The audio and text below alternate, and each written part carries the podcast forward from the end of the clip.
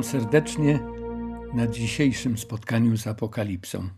Jestem Bogu bardzo wdzięczny za możliwość dalszego pogłębienia treści, którymi zajmowaliśmy się na ostatnim spotkaniu. Skłońmy swoje głowy i pomódlmy się, aby Bóg był z nami podczas tych rozważań i aby dał nam właściwe zrozumienie proroctwa. Drogi Boże i Panie nasz, w imieniu Twego Syna, Jezusa Chrystusa, dziękujemy Ci za ponowne spotkanie z Księgą Apokalipsy. Prosimy też o prowadzenie nas Twoim Duchem Świętym. Wierzymy, że dzisiaj, podobnie jak podczas każdego poprzedniego spotkania, będziesz nam błogosławił i uczył nas o przyszłości, którą chcemy zrozumieć, a w trakcie wypełnienia tych proroctw być blisko Ciebie. Niech się tak stanie, niech tak będzie. Bądź uwielbiony nasz Ojcze za to, czego doświadczamy, gdy czytamy i rozmyślamy o treściach zawartych w Twoim słowie. Amen. Podczas tego spotkania pragniemy nadal rozważać wizję zapisaną w XVII rozdziale, a szczególnie chcemy przyjrzeć się treści tej jej części, która dotyczy tekstów od siódmego do czternastego. Nawiązując do poprzedniego spotkania, chciałbym przypomnieć, że Jan, zdumiony obrazem niewiasty, jaką zobaczył w wizji, zaraz też usłyszał słowa towarzyszącego mu anioła, który powiedział: Dlaczego zdumiałeś się? Wyjaśnię ci tajemnicę kobiety i zwierzęcia, które ją nosi i ma siedem głów i dziesięć rogów. Zwierzę, które widziałeś, było i już go nie ma. I znowu wyjdzie z otchłani i pójdzie na zatracenie. I zdumieją się mieszkańcy ziemi, których imiona nie są zapisane w księdze żywota od założenia świata, gdy ujrzą, że zwierzę to było i że go nie ma i że znowu będzie. Z uwagi na fakt, iż proroctwo to obejmuje bardzo wiele i ważnych wydarzeń, które dotyczą zarówno przeszłości, teraźniejszości i przyszłości. Przy jego interpretacji potrzebujemy szczególnej mądrości od Boga, na którą anioł zwrócił uwagę w wierszu dziewiątym, mówiąc: Tu potrzebna jest mądrość. Powinniśmy sobie zdać sprawę z tego, że z naszej strony powinniśmy też okazać zainteresowanie i szczególną uwagę, koncentrację, staranność. Nie pozwólmy, aby cokolwiek nas rozpraszało.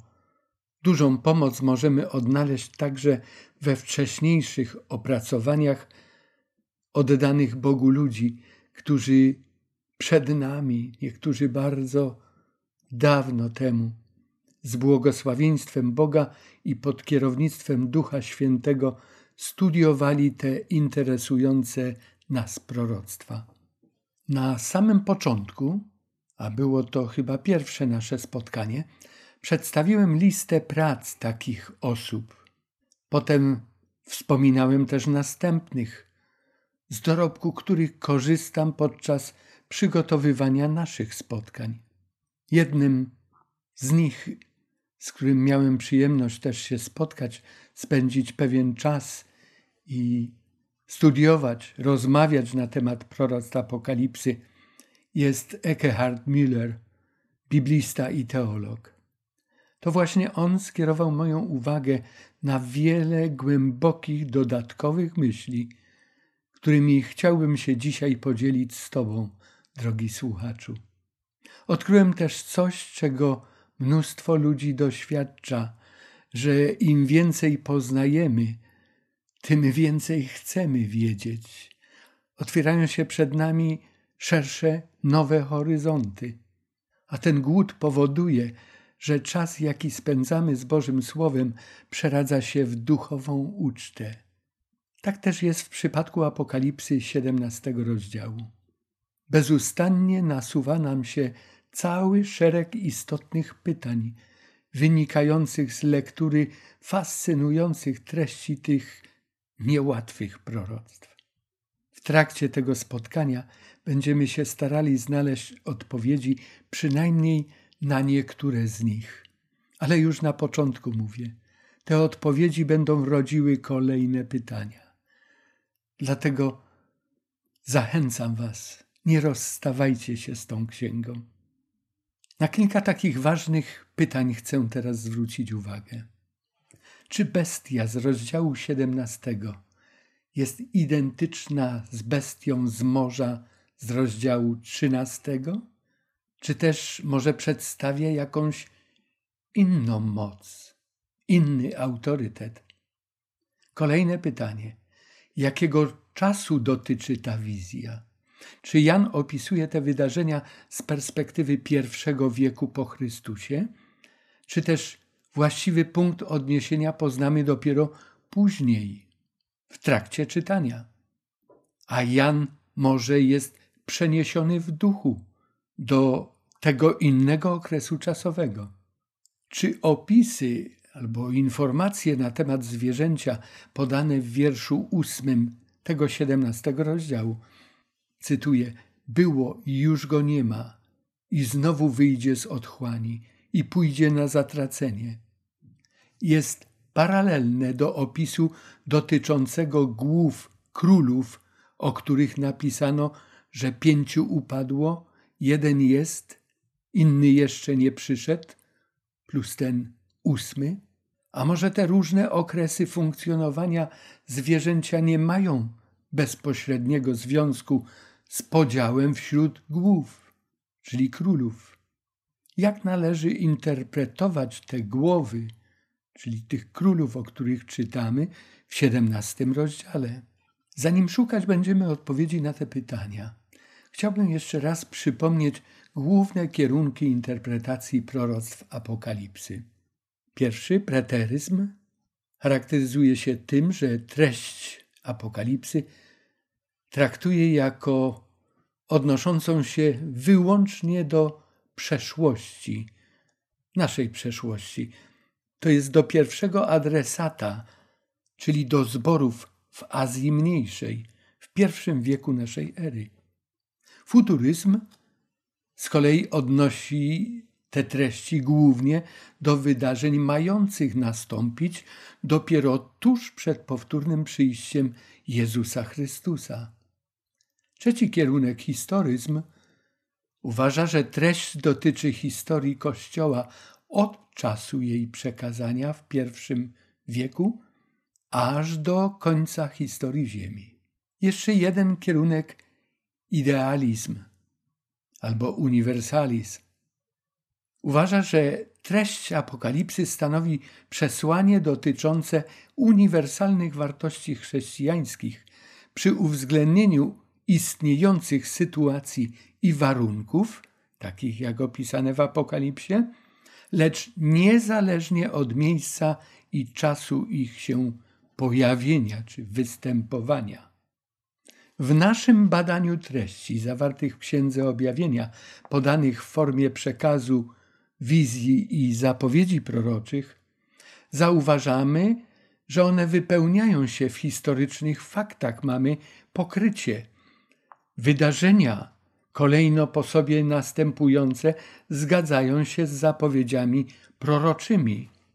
A więc Apokalipsa odnosi się do historii od pierwszego wieku aż do powtórnego przyjścia Chrystusa.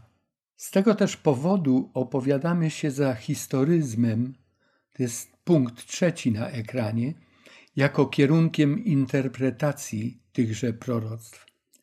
Temu zagadnieniu poświęciliśmy też pewien czas na drugim i trzecim spotkaniu z Apokalipsą. Ale i w tym kierunku historyzmu istnieją różne interpretacje, poglądy na pewne szczegóły dotyczące tych proroctw. Jedni uważają, że bestia czy zwierzę, to będzie stosowane przeze mnie zamiennie, że ta faza zwierzęcia określona słowem było przedstawia pogański Rzym, faza nie ma to jest okres pomiędzy upadkiem pogańskiego i ukształtowaniem się papieskiego Rzymu, a faza znowu wyjdzie, obrazuje według tych zwolenników tego poglądu Rzym papieski. Inni, to jest punkt drugi, traktują okres było jako odnoszący się do Rzymu papieskiego. Nie ma, to jest okres po rewolucji francuskiej i uwięzieniu papieża, a znowu wyjdzie, dotyczy czasu jego ożywienia i uleczenia tej śmiertelnej rany. Są jeszcze inni, którzy uważają, że bestia nie przedstawia papiestwa, ale przedstawia szatana. W przypadku głów również istnieją różnice w interpretacji. A więc pierwszy pogląd, że głowy przedstawiają wszystkie polityczne moce, które tworzą opozycję wobec ludu Bożego i sprawy Bożej. Drugi, że pięć głów bestii to zwierzęta oraz mały róg z księgi Daniela z rozdziału siódmego, czyli od starożytnego Babilonu do papiestwa. Szóstą głową to jest zwierzę z otchłani, w oparciu o Apokalipsę 11 rozdział wiersz 7, rewolucja francuska, albo bestia z ziemi, rozdział 13. Siódma głowa to jakaś ogólnoświatowa organizacja lub odnowione papiestwo. I trzecie spojrzenie na te głowy. Pięć głów, które były, to imperia światowe: Egipt, Asyria, Babilon, Medopersja i Grecja. Szósta głowa to pogański Rzym, a głowa siódma to Rzym papieski lub bestia z ziemi. Po zapoznaniu się z tymi spojrzeniami, warto zwrócić uwagę na kontekst wizji rozdziału 17. Rozdziały 15 i 16 Księgi Objawienia koncentrują się na siedmiu ostatnich plagach. Szósta plaga opisuje wyschnięcie rzeki Eufrat, rzeki Babilonu, oraz wprowadza w Armagedon. Siódma plaga opisuje sąd nad Babilonem. Rozdział 17 i kolejne rozdziały przedstawiają ten sam sąd, jednak w sposób bardziej rozbudowany, uszczegółowiony. Jednym z problemów, na jakie napotykają badacze Księgi Objawienia, jest to, że wszetecznica i bestia wydają się wskazywać na jedne i tę samą historyczną rzeczywistość. Czy przedstawiane jako imperium rzymskie, czy jako papiestwo, badacze Księgi Objawienia w każdym przypadku stwierdzają, że wszetecznica Babilon jest w jakiś sposób spokrewniona z Rzymem, ale to samo odnosi się też do bestii, na której ona siedzi. Na dodatek, czasem jedna, a nawet więcej głów zwierzęcia jest utożsamianych z Rzymem. Z uwagi na fakt, że w końcówce XVII rozdziału bestia i jej dziesięć rogów niszczą ladacznicę, pojawia się paradoksalna sytuacja, w wyniku której Rzym wydaje się powodować upadek Rzymu, a to by oznaczało samobójstwo. Wydaje się to nieprawdopodobne.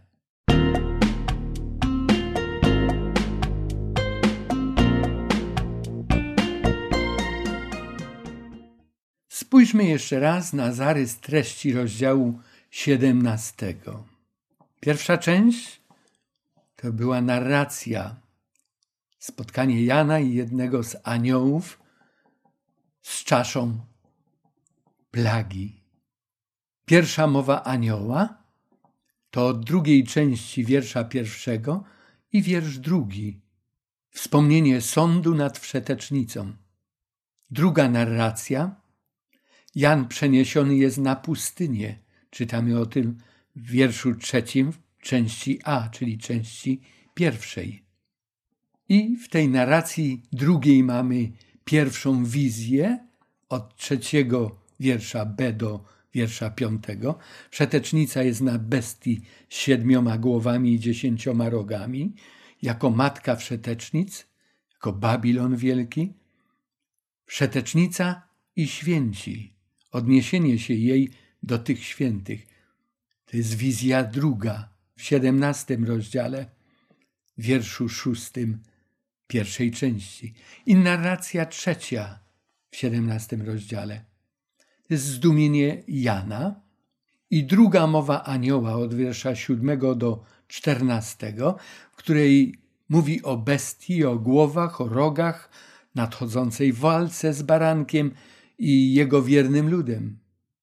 Trzecia mowa anioła od wiersza 15 do 18 ukazuje nam walkę wód, czyli tych narodów, bestii, rogów z wszetecznicą. Sąd. Wszetecznica ukazana jest tutaj jako wielkie miasto. Rozpoznawając nadal grunt, spójrzmy na dwa zwierzęta, które już poznaliśmy. Jedno to jest z 17 rozdziału i dowiadujemy się, że ono było, że go nie ma i że znowu będzie. Przypomina nam to Boga Ojca, określonego jako ten, który był, który jest i który ma przyjść. To jest czwarty rozdział Apokalipsy i pierwszy rozdział. Ukazuje to bestię jako zwiedzenie, jako parodię i oponenta wobec Boga Ojca. Chociaż w objawieniu Bóg Ojciec i Jezus Chrystus dzielą szereg tytułów, to miano ten, który był i który jest i który ma przyjść, jest przypisane jedynie Bogu. W trzynastym rozdziale poznaliśmy bestię z morza, która upodabnia się do Jezusa Chrystusa. Ale ta z siedemnastego rozdziału widzimy, że w tym swoim zachowaniu upodobniona jest do Boga Ojca. Zwróćmy uwagę na podobieństwa między tymi dwoma zwierzętami. Siedem głów i dziesięć rogów. Ma i to zwierzę z trzynastego rozdziału i z siedemnastego. Bluźnierstwa na jego ciele. Rozdział trzynasty i siedemnasty to samo mówi opozycja wobec Boga, Jezusa i naśladowców Chrystusa w jednym i drugim przypadku. Teksty na ekranie, proszę odnotujmy sobie albo zapamiętajmy, aby to sprawdzić. Określenie bestia, zwierzę w jednym i drugim przypadku i ludzie, którzy dziwią się patrząc na te zwierzęta, zarówno w trzynastym, jak i siedemnastym a jakie są różnice? Bestia z morza ma korony na jej rogach. Bez, bestia z 17 rozdziału w ogóle nie ma koron. Kolor bestii z morza nie został podany, a kolor tej drugiej bestii z 17 rozdziału to szkarłat. Bestia z morza wyszła z morza, bestia szkarłatno-czerwona wyszła z otchłani. Kwestie czasowe dotyczące bestii są różne też. Bestia z morza zależna jest od smoka. Niczego takiego nie powiedziano o bestii szkarłatnej. Bestia z morza upodobniona jest do Chrystusa, podczas gdy bestia szkarłatna parodiuje Boga Ojca. Popatrzmy teraz na smoka z dwunastego rozdziału i to zwierzę z siedemnastego rozdziału, na podobieństwa najpierw. Siedem głów i dziesięć rogów i ma smok i to zwierzę z siedemnastego rozdziału. Podobieństwo koloru, rydzy, rudy, czerwień. Opozycja szczególnie wobec Jezusa. Zarówno w dwunastym rozdziale smok, jak i w siedemnastym rozdziale to zwierzę. Relacje z Kościołem i kobietami zarówno w dwunastym rozdziale, jak i w siedemnastym rozdziale. Pomiędzy smokiem a szkarłatną bestią są też różnice. Ona pochodzi z otchłani. Smok został wyrzucony z nieba. Chociaż wyjście z otchłani następuje dopiero w późniejszej historii kariery tego zwierzęcia. Smog ma siedem koron na swoich głowach. Szkarłatna bestia nie ma koron. Smog jest także nazwany wężem, ale nie zwierzęciem jako takim, chociaż smok to zwierzę. Ta bestia wyraźnie nazwana jest dzikim zwierzęciem, po grecku terion. Pojawiło nam się to określenie otchłani. Jakie znaczenie w Biblii ma miejsce nazywane otchłanią czy przepaścią, po grecku abyssos? I gdzie te wzmianki występują w Apokalipsie? Otchłań w Apokalipsie występuje siedem razy. Na ekranie mamy wszystkie teksty. Określenie abyssos występuje w ogóle w Nowym Testamencie dziewięć razy. Tak jak mówiłem już siedmiokrotnie w objawieniu, raz w Ewangelii Łukasza i raz w liście do Rzymian. A więc otchłań łączona jest z miejscem zamieszkania złych duchów, ze śmiercią.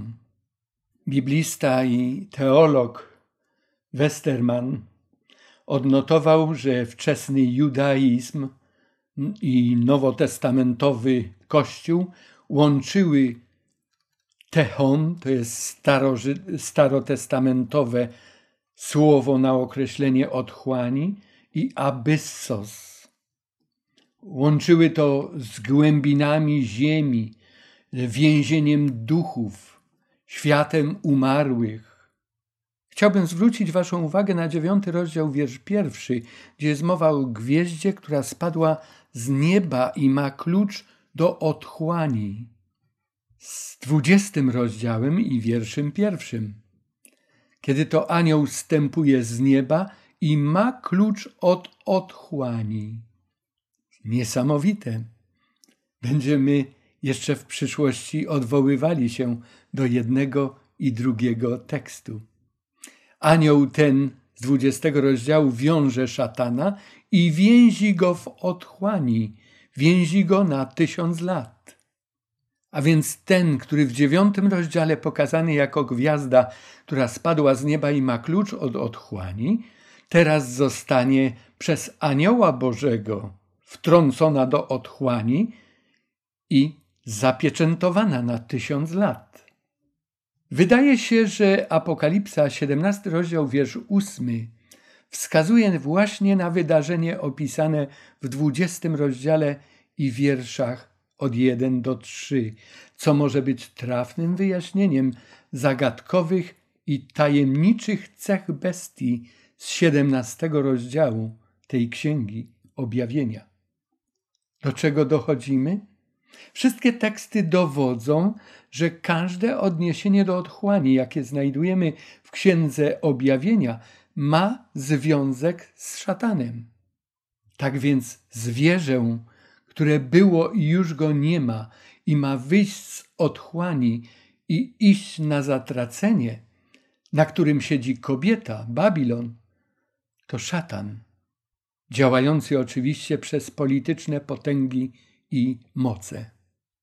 Popatrzmy jeszcze na fazy aktywności zwierzęcia bestii z 17 rozdziału.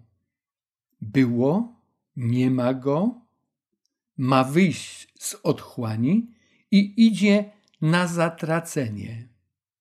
W wierszu ósmym w dalszym ciągu było, nie ma go i znowu będzie. W wierszu jedenastym było, nie ma go, jest tym ósmym, jest siedmiu, idzie na zatracenie. Pojawiają się pytania. Jak winniśmy rozumieć te poszczególne fazy? Kiedy one następują? Czy faza nie ma go dotyczy czasu, kiedy żył Jan, czyli pierwszego wieku po Chrystusie? A może naszego czasu? A może odnosi się to jeszcze do przyszłości? Badając cały kontekst dochodzimy do wniosku, że określenie było powinno odnosić się do czasu historycznego, natomiast od fazy nie ma go i dalej mamy do czynienia już z czasem końca. To określenie nie ma go, zaznaczone pod jedynką, może być rozumiane jako przyszły rozwój wydarzeń, ponieważ w Księdze Objawienia czas teraźniejszy często odnosi się do przyszłości. Pod dwójką w XVII rozdziale Apokalipsy znajdujemy opis sądu nad wszetecznicą. Jeden z teologów wybitnych argumentuje tak: szukanie wypełnienia fazy nie ma go w historii, podczas kiedy faza ta jest przecież wizją sądu, jest pozbawione logiki. Bo jak w okresie sądu szukać wydarzeń historycznych z minionego czasu? I pod trójką to samo określenie nie ma go. Jak wszetecznica mogłaby siedzieć na bestii, której nie ma? Podobnie nie ma możliwości istnienia jej głów i rogów w czasie, kiedy ona sama nie istnieje. Chciałbym, byśmy sobie przypomnieli pewien materiał, który omawialiśmy już w czasie trąbienia. Może jeszcze pamiętamy, że osiemnasty wiersz w jedenastym rozdziale jest tekstem dwukierunkowym. Zapowiadał on kolejne wydarzenia opisane w Apokalipsie. Gniew narodów opisany jest w rozdziałach 12 i 13. Sąd Boży od 14 do 18 rozdziału. Nagroda dla sług Boga to dwa ostatnie rozdziały, 21 i 2. Zniszczenie tych, co niszczą ziemię, to rozdziały 19 i 20. Szósta i siódma plaga wskazują na upadek Babilonu i walkę Armagedon, co należy jeszcze do przyszłości i co szczegółowo opisane jest w rozdziałach od 17 do 19. Wróćmy do tej kwestii faz aktywności zwierzęcia, a tym razem przyjrzymy się również i aktywności szatana. Bestia z 17 rozdziału czytamy, że była, nie ma jej, ma wyjść z otchłani i iść na zatracenie. Szatan w Apokalipsie jest, czyli istniał, istnieje w historii tutaj, i to jego istnienie poprzez działania historyczne opisane jest w rozdziałach od 12 do 19. Uwięziony w otchłani nie może zwodzić. To jest 20 rozdział, pierwsze teksty. Wiersz 5 i od 7 do 9 w 20 rozdziale mówi o wypuszczeniu szatana, który zgromadzi powstałych przeciwników Boga i zaatakuje święte miasto. A 20 rozdział wiersze od 9 do 10 mówi nam o tym, że będzie wrzucony do jeziora ognia i zginie. A więc szatańskie być, nie istnieć, a później być przywróconym znowu do, do działania i aktywności i zginąć. To historia przed powtórnym przyjściem Chrystusa? Po powrocie Jezusa nie ma szatana, jest unieruchomiony, związany. Co to znaczy? Będziemy omawiać w, 20, w, tak w 20 rozdziale. Po milenium jego uwolnienie po to, aby go unicestwić. A więc jeszcze raz. Szatan przez cały czas działał, działa i nadal będzie działał różnymi sposobami. Przyjdzie jednak czas, kiedy go nie będzie. I nastąpi to dopiero w milenium. Strand słusznie stwierdza, że chociaż Jan ogląda widzenie dotyczące fazy nie ma jej, która nastąpi w milenium, to głowy i rogi są historycznymi jego narzędziami, które działają i należą do fazy bycia, istnienia, obecnie, przed milenium. Zajmijmy się nieco charakterem cech zwierzęcia czy bestii z 17 rozdziału.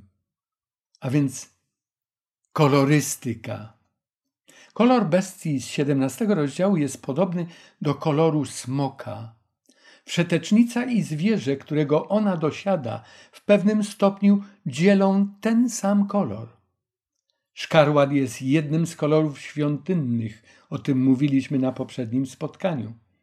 Podkreślał on powab oblubienicy również.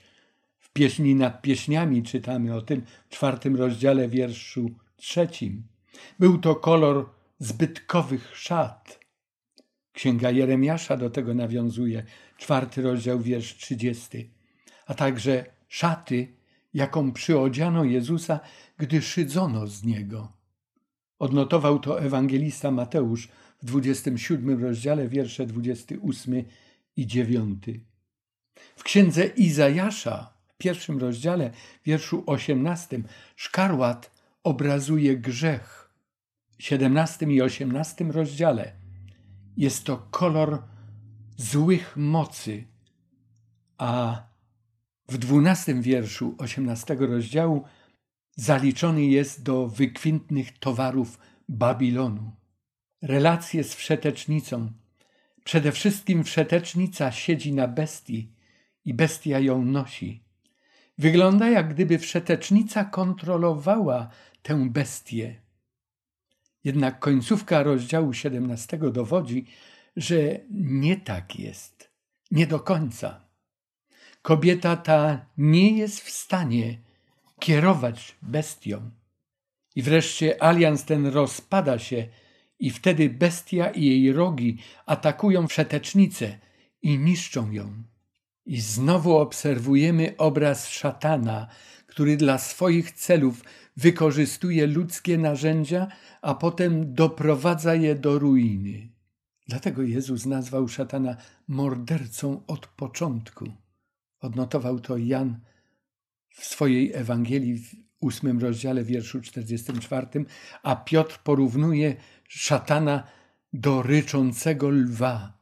Pierwszy list Piotra, piąty rozdział, wiersz ósmy.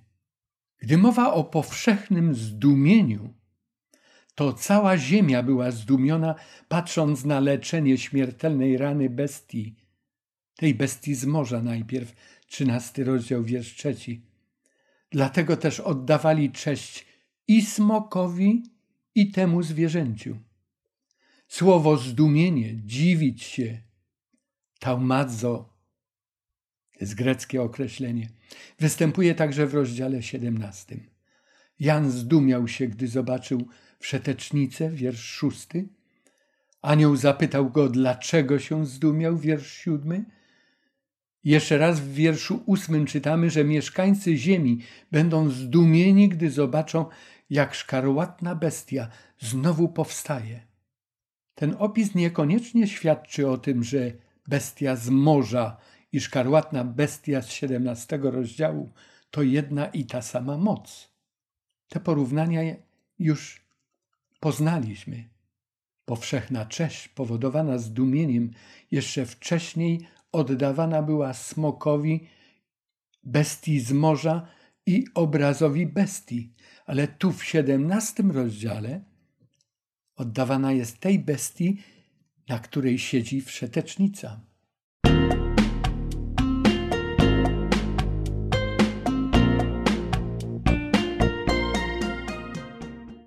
Zajmijmy się teraz znaczeniem siedmiu głów, gór, królów.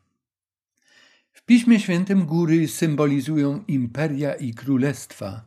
W księdze Daniela w drugim rozdziale góra reprezentuje także Królestwo Boże. Według Jeremiasza 51 rozdziału, wiersz 25, Babilon był górą zniszczenia. Podobnie w proroctwach symbolicznych królów należy rozumieć tak jak królestwa. Czterech królów wspomnianych w księdze Daniela w siódmym rozdziale to nie indywidualni panujący, tak określano ich królestwa. Podobnie król Nebukadnezar, chociaż w drugim rozdziale został utożsamiony ze złotą głową, to następne metale posągu zidentyfikowane są już jako królestwa i dowodzą, że w całym proroctwie drugiego rozdziału nie chodziło tutaj o poszczególnych królów, w tym przypadku nawet Nebukadnezara, ale o królestwo Babilonu, reprezentowanego w tamtym czasie przez tego wielkiego władcę. A więc zwróćmy uwagę, bestia. Czytamy, że była, nie ma jej, wyjdzie z otchłani i idzie na zatracenie. Popatrzmy na głowy czy góry królów. Pięciu upadło, jeden jest, inny jeszcze nie przyszedł i ten ósmy. Pytania, czy fazy nie ma i jeden jest są paralelne? Czy faza nie ma odnosi się do czasów Jana, czy do przyszłości? Te pytania wcześniej już postawiliśmy sobie, ale teraz przy tej rozpisce widzimy graficznie, jak to wygląda. Trudno sobie wyobrazić, że w czasie, gdy bestii nie ma, to jedna z jej głów jest. Na kiedy przypada ten czas określony, że wówczas jeden jest? Podstawowe zrozumienie tego zapisu z dziesiątego wiersza 17 rozdziału zakłada, że Jan pisał Księgę Objawienia w czasie panowania szóstego królestwa. Objawienie przede wszystkim adresowane było do chrześcijan żyjących w pierwszym wieku. Zapewne czytali ten dziesiąty wiersz, rozumiejąc, że w czasie, w którym oni żyli, władzę dzierżyła szósta głowa. Bo tak było rzeczywiście. Jeśli założymy, że szósta głowa nie panowała w czasie, gdy Jan spisywał Księgę Objawienia, lecz że Jan został przeniesiony do innego czasu i wtedy to się działo, to napotykamy na trudność przedstawienia jakiejkolwiek innej spójnej i sensownej interpretacji wydarzeń, które opisane są w tym rozdziale. Do czasu Jana pięć głów już upadło, jak czytaliśmy. Jedna istniała. Głową tym było Imperium Rzymskie. Pięć poprzednich królestw, licząc wstecz, to Grecja, Medopersja, a jeszcze wcześniej Babilon, a przed nim Asyria i przed Asyrią Egipt.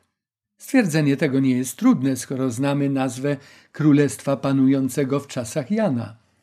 I chociaż można to logicznie wydedukować, to mamy też w Księdze Objawienia dodatkową informację wskazującą na to pierwsze wrogie sprawie Bożej imperium, czyli Egipt. W jedenastym rozdziale jest wspomniany w wierszu ósmym. W takim układzie szóstą głową jest Rzym pogański, natomiast głową siódmą jest papiestwo. Siódma głowa ma pozostać tylko na krótko. Jak to można zastosować do papiestwa? Otóż y, użyte jest tutaj słowo oligos, co dosłownie znaczy trochę, mały, kilka, krótko, niewiele. W Księdze Objawienia występuje ten wyraz czterokrotnie. Popatrzmy w jakim zastosowaniu. Mam ci nieco za złe. Czytamy w liście do zboru. Inny zbór otrzymuje poselstwa, w nim takie słowa. Masz w Sardes kilka osób, które tam nie skalały swoich szat. Dwunasty rozdział, wiersz dwunasty. Diabeł wie, że czasu ma niewiele. I tutaj ten dziesiąty wiersz, wiersz rozdziału siedemnastego, będzie mógł tylko krótko pozostać. Niewiele czasu Oligon Kairon, jakie według Apokalipsy 12:12 12 pozostało szatanowi od śmierci Chrystusa, trwa już prawie dwa tysiące lat. Okazuje się, że to określenie niewiele, krótko, w Księdze Objawienia nabiera swego własnego, szczególnego znaczenia. Przykładowo, szatan wyrzucony z nieba wie, że ma krótki czas, czy czasu ma niewiele. Ale tego krótkiego czasu nie należy traktować dosłownie, lecz symbolicznie, podobnie jak w odniesieniu do 1260 dni, 42 miesiące, 3,5 roku, które to okresy rozumiemy symbolicznie. A więc popatrzmy, mamy tutaj tylko 42 miesiące, a to jest 1260 lat. Zwrot niewiele, krótko, nie jest jakimś chronologicznym przedziałem czy wycinkiem czasu, lecz został on umieszczony w kontekście ogólnej przestrzeni czasowej. Na to zwrócił uwagę jeden z teologów i biblistów, Kistmaker. Profesor Simon Kistmaker jest emerytowanym profesorem Nowego Testamentu i autorem czterotomowego komentarza biblijnego do Nowego Testamentu.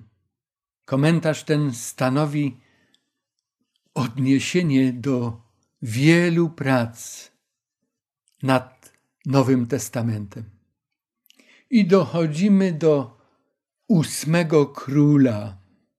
Ósmy król jest z owych siedmiu, lecz nie jest jednym z nich, co może oznaczać, że bestia pozostaje w związku z wszystkimi siedmioma głowami, ale nie jest identyfikowana z żadną z nich.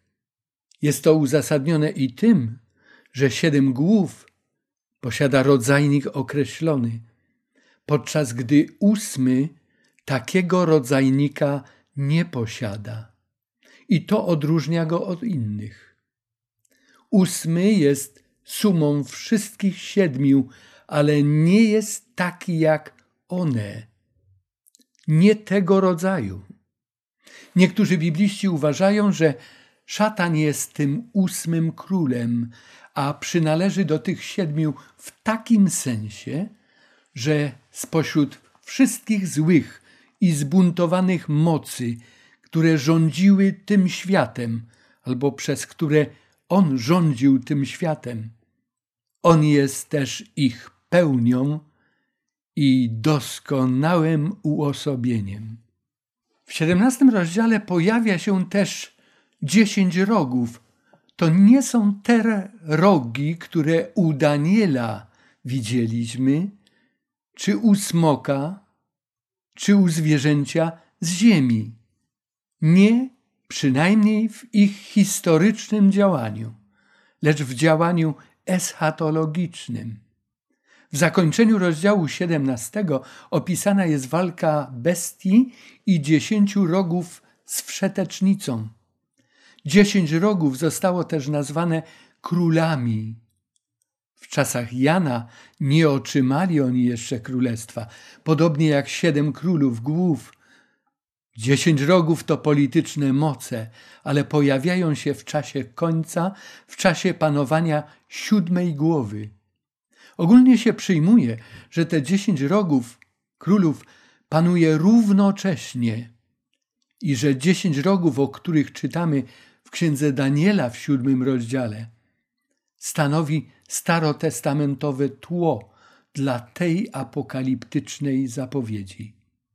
Jeżeli ci królowie są królami z ziemi, z 17 rozdziału wiersza drugiego i 18, to ich liczbę należałoby rozumieć symbolicznie, nie literalnie od 1 do 10 ale sumę tych królów, którzy wezmą udział w rozprawieniu się z tą latacznicą. Przeczytajmy ten dwunasty wiersz z siedemnastego rozdziału. A dziesięć rogów, które widziałeś, to dziesięciu królów, którzy jeszcze nie objęli królestwa, lecz obejmą władzę jako królowie na jedną godzinę wraz ze zwierzęciem. Mieliśmy już królów od wschodu słońca, królów ziemi, siedmiu królów, a teraz poznajemy dziesięciu nowych królów, którzy jeszcze nie panują. Kim oni są? Czym się charakteryzują? Tworzą rzeczywistość czasów końca. Nie mamy ich rodowodów jak u, jak u poprzedników. Otrzymają władzę na jedną godzinę, wyraźnie określony czas wraz ze zwierzęciem. Ich rządzenie, jak się okazuje, doprowadza do finału kryzysu na tej ziemi. W swoim działaniu, wiersz 13 z 17 rozdziału, nas uwiadamia, są bardzo zgodni, spójni w tym, co robią i myślą. Otrzymali władzę jako królowie na jedną godzinę. Yy, powiedzieliśmy sobie na poprzednim spotkaniu, że tą kwestią się zajmujemy, zajmiemy. Co oznacza godzina? Godzina w Apokalipsie. Dziesięć razy pojawia się to określenie godzina. Wszystkie teksty mamy tutaj przed sobą. Popatrzmy, w jakim kontekście one występują. Nie wiesz, o której godzinie cię zaskoczę. Zachowam cię w godzinie próby, jaka przyjdzie. Nastało w niebie milczenie na około pół godziny. Aniołowie przygotowani na godzinę i na dzień. W tejże godzinie powstało wielkie trzęsienie. Nadeszła godzina sądu jego, jako królowie na jedną godzinę z bestią. W jednej godzinie nastał sąd Twój, w jednej godzinie zniweczone zostało tak wielkie bogactwo, w jednej godzinie miasto spustoszone zostało. W Księdze Objawienia dziesięciokrotnie, jak już wspomniałem, występuje wyrażenie godzina, po grecku hora. W czterech z nich jest mowa o jednej godzinie. Prawie wszystkie teksty zawierające słowo godzina mają związek z sądem, zwróćmy na to uwagę. Co więcej, w żadnym z nich nie chodzi o dokładnie 60-minutową godzinę. Dlatego właściwe jest traktowanie tego określenia godzina jako krótki, bliżej nieokreślony czas.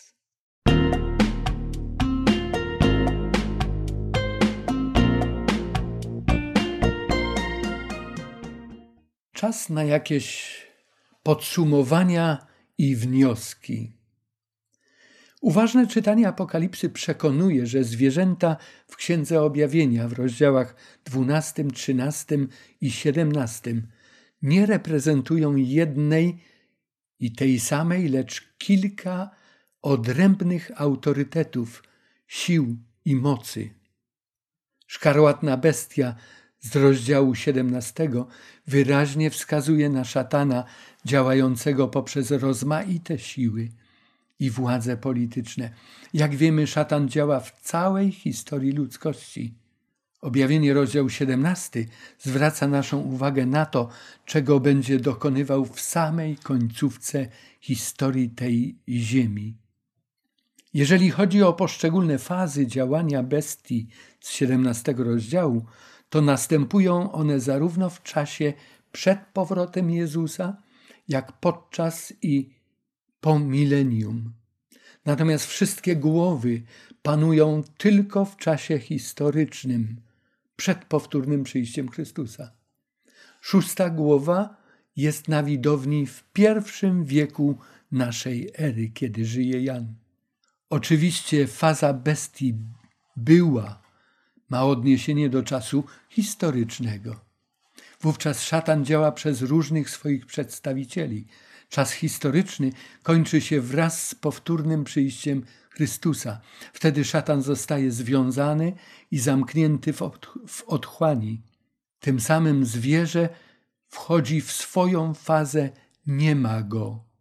Po milenium, gdy szatan zostanie uwolniony z otchłani, pojawia się jako ósmy z owych siedmiu. Jego aktywność, sąd nad nim i unicestwienie go zostały opisane w dwudziestym rozdziale Apokalipsy. Siedem głów bestwi przedstawia królestwa, a nie indywidualnych królów. Janowi, piszącemu z perspektywy pierwszego wieku naszej ery, powiedziano, że pięciu już upadło, jeden jest, jeden jeszcze nie przyszedł, oraz to, że jest to ten ósmy. Tymi siedmioma królestwami są Egipt, Asyria, Babilon, Medopersja, Grecja, Rzym pogański i papiestwo.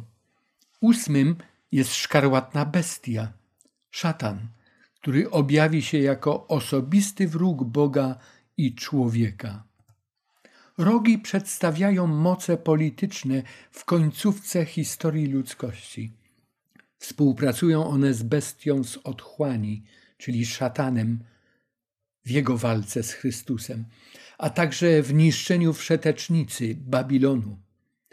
Ich działanie ograniczone jest do krótkiego czasu. Głowy nie biorą udziału w walce z Jezusem oraz wszetecznicą. Dzieje się tak z dwóch powodów. Po pierwsze, głowy są mocarstwami panującymi na przestrzeni historii ludzkości, a nie królestwami w czasie końca. Właściwie to głowy, z wyjątkiem siódmej, już skończyły swoje panowanie.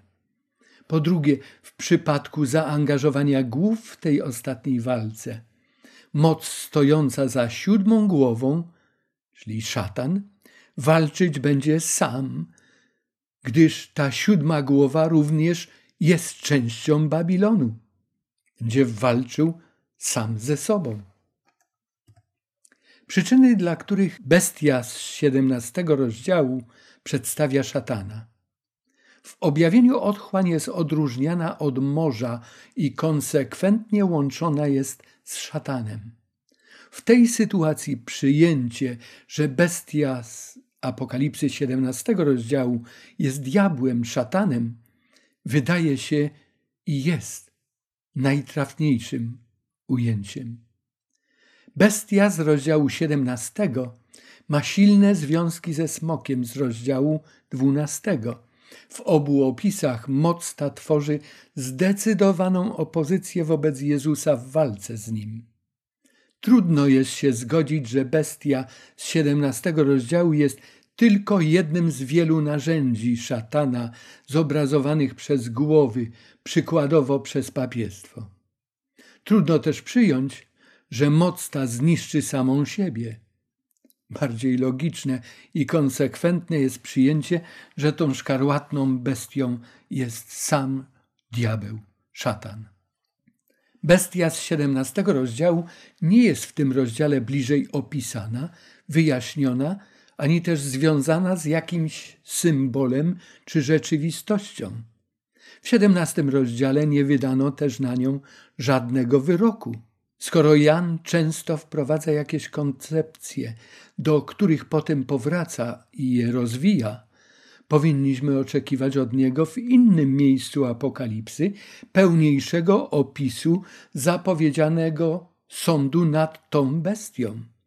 Faktycznie znajdujemy go tylko w rozdziale 20. Szatan jest parodystą, parodiuje Boga a bestia z morza parodiuje Jezusa. Bestia z otchłani przede wszystkim jest także imitacją Boga Ojca.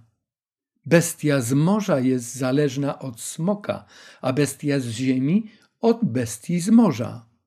Żadnej takiej zależności nie widzimy w przypadku szkarłatnej bestii. Za to bardzo sama ona przypomina smoka. W rozdziałach 12 i 17 zarówno smok, jak i bestia pojawiają się w pewnej relacji do Kościoła albo grupy ludzi religijnych, zarówno wiernych, jak też odstępczych. W obydwu przypadkach smok i szkarłatna bestia starają się ich niszczyć. Bestia z 17 rozdziału jest bardziej skuteczna niż smok w rozdziale 12. Kościół odstępczy nie cieszy się Bożą ochroną, która jest zagwarantowana jego wiernemu Kościołowi. Bestia z rozdziału 17 jest przykładem doskonałej opozycji wobec Boga i Jezusa. Wszystko wskazuje na to, że wizja ta odnosi się do działania samego diabła. Oba rozdziały, 12 i 17, nawiązują do pustyni i obrazują takie same sytuacje, w których występują te same lub identyczne postacie czy siły. Fakt, że w rozdziale 17 toczą się dwie walki różniące się od siebie. Jedna w wymiarze pionowym, a druga poziomym. Jedna wymierzona w bóstwo, a druga w system ludzki, także przeciwny zresztą Bogu. I to zaświadcza, że pogląd, iż bestia 17 rozdziału to szatan we własnej osobie, wydaje się być poglądem właściwym. Szatan usiłuje niszczyć nie tylko tych, którzy wierzą i służą Bogu. On zabija także tych, którzy idą za nim. Dlatego to się ostatecznie dzieje z wszetecznicą, która mu ciągle służyła i była na jego posługi. Popatrzmy jeszcze raz na to rozpisanie tutaj odnośnie zwierzęcia czy bestii z 17 rozdziału. Mamy dwa czasy na czerwono zaznaczone: historyczny i eschatologiczny. I popatrzmy, gdy mówimy o tej bestii, o jej głowach w zasadzie, to w czasie historycznym pięciu upadło, pięciu było. Pierwsza, druga, trzecia, czwarta, piąta głowa. A więc Egipt, Asyria, Babilonia, Medopersja, Grecja. Jeden jest, to jest Rzym i to są czasy Jana. Inny jeszcze nie przyszedł, to jest siódma głowa i później te dziesięć rogów. Siódma głowa to papiestwo. W czasie eschatologicznym faza nie ma, to jest otchłań, przepaść w czasie milenium. Przyjdzie to jako ósma głowa po milenium, bo zdawać się mogło, że przed milenium już zakończony wielki bój. Jeszcze nie. Jeszcze ta jedna głowa żyje, która będzie miała do dyspozycji wszystkich zbuntowanych przeciwko Bogu ludzi, którzy powstaną po milenium. I to jest ta ósma głowa tej bestii, która będzie z barankiem toczyć bój. Idzie na zatracenie. To jest ten pewny wyrok zatracenia, unicestwienia demona po milenium. Końcowe podsumowanie i obietnica. Chociaż rozdział 17 opisuje dużą aktywność mocy zła, Bóg jednak kontroluje całą tę sytuację. On sądzi wrogów swego ludu, natomiast swoich świętych wybawia, wybawia i ratuje z ich dylematów, kłopotów, zasadzek. Piękna obietnica z księgi Izajasza proroka z 26 rozdziału. Temu, którego umysł jest stały, zachowujesz pokój. Pokój mówię, bo Tobie zaufał. Ufajcie po wsze czasy Panu, gdyż On jest skałą wieczną, woła prorok. Wierność Bogu, który sam jest wierny swoim obietnicom i swemu ludowi, owocuje stabilnością i pokojem. Skłońmy nasze czoła do modlitwy. Ojcze, jakim byłoby nasze życie, i nasza przyszłość, gdybyśmy nie mieli i nie znali Ciebie i Twojego słowa, Biblii. Różnymi sposobami i w różnym czasie zapoznawałeś nas z wolą swoją i z planem zbawienia, z Ewangelią, a także z proroctwami. Przez pryzmat proroctw Apokalipsy uczysz nas takiego patrzenia na otaczający nas świat – że mimo tragedii i panoszącego się zła, możemy dostrzegać też Twoją wspaniałą ochronę, Twoją miłość, a także korzystać z opieki, pomocy Twoich aniołów. Dzisiaj mogliśmy na nowo obserwować, jak podstępny i przebiegły jest szatan, jak doprowadza do upadku i ruiny wszystkich, którzy w nim upatrują prawdę, sprawiedliwość, którzy z nim związali swoje nadzieje na lepszą przyszłość.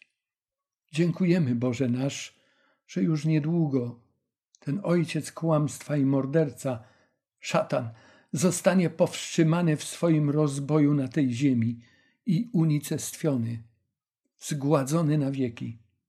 Panie, dziękujemy Ci za to, że otwierasz nasze oczy, poruszasz umysły i serca wszystkich grzeszników, którzy zaufali Tobie i przyjęli ten największy dar miłości zbawienie w Jezusie Chrystusie. W Jego imieniu, Ojcze, bądź uwielbiony za Twoją wierność i skuteczność we wszystkich Twoich dziełach, a także za pokój Twój, którego doświadczamy już tutaj, teraz. Dzięki, że nastanie Twoje królestwo, obywatelami którego czynisz każdego, kto Ci zaufał. Dziękujemy za wszystko w imieniu Zbawiciela Jezusa Chrystusa. Amen. Dziękuję za udział w dzisiejszym spotkaniu. Kolejne spotkanie będzie miało tytuł Upadek wielkiego miasta Babilon. Zachęcam Was do zapoznania się z osiemnastym rozdziałem Księgi Objawienia. Do usłyszenia. Niech Bóg nas wszystkich ma w swojej opiece.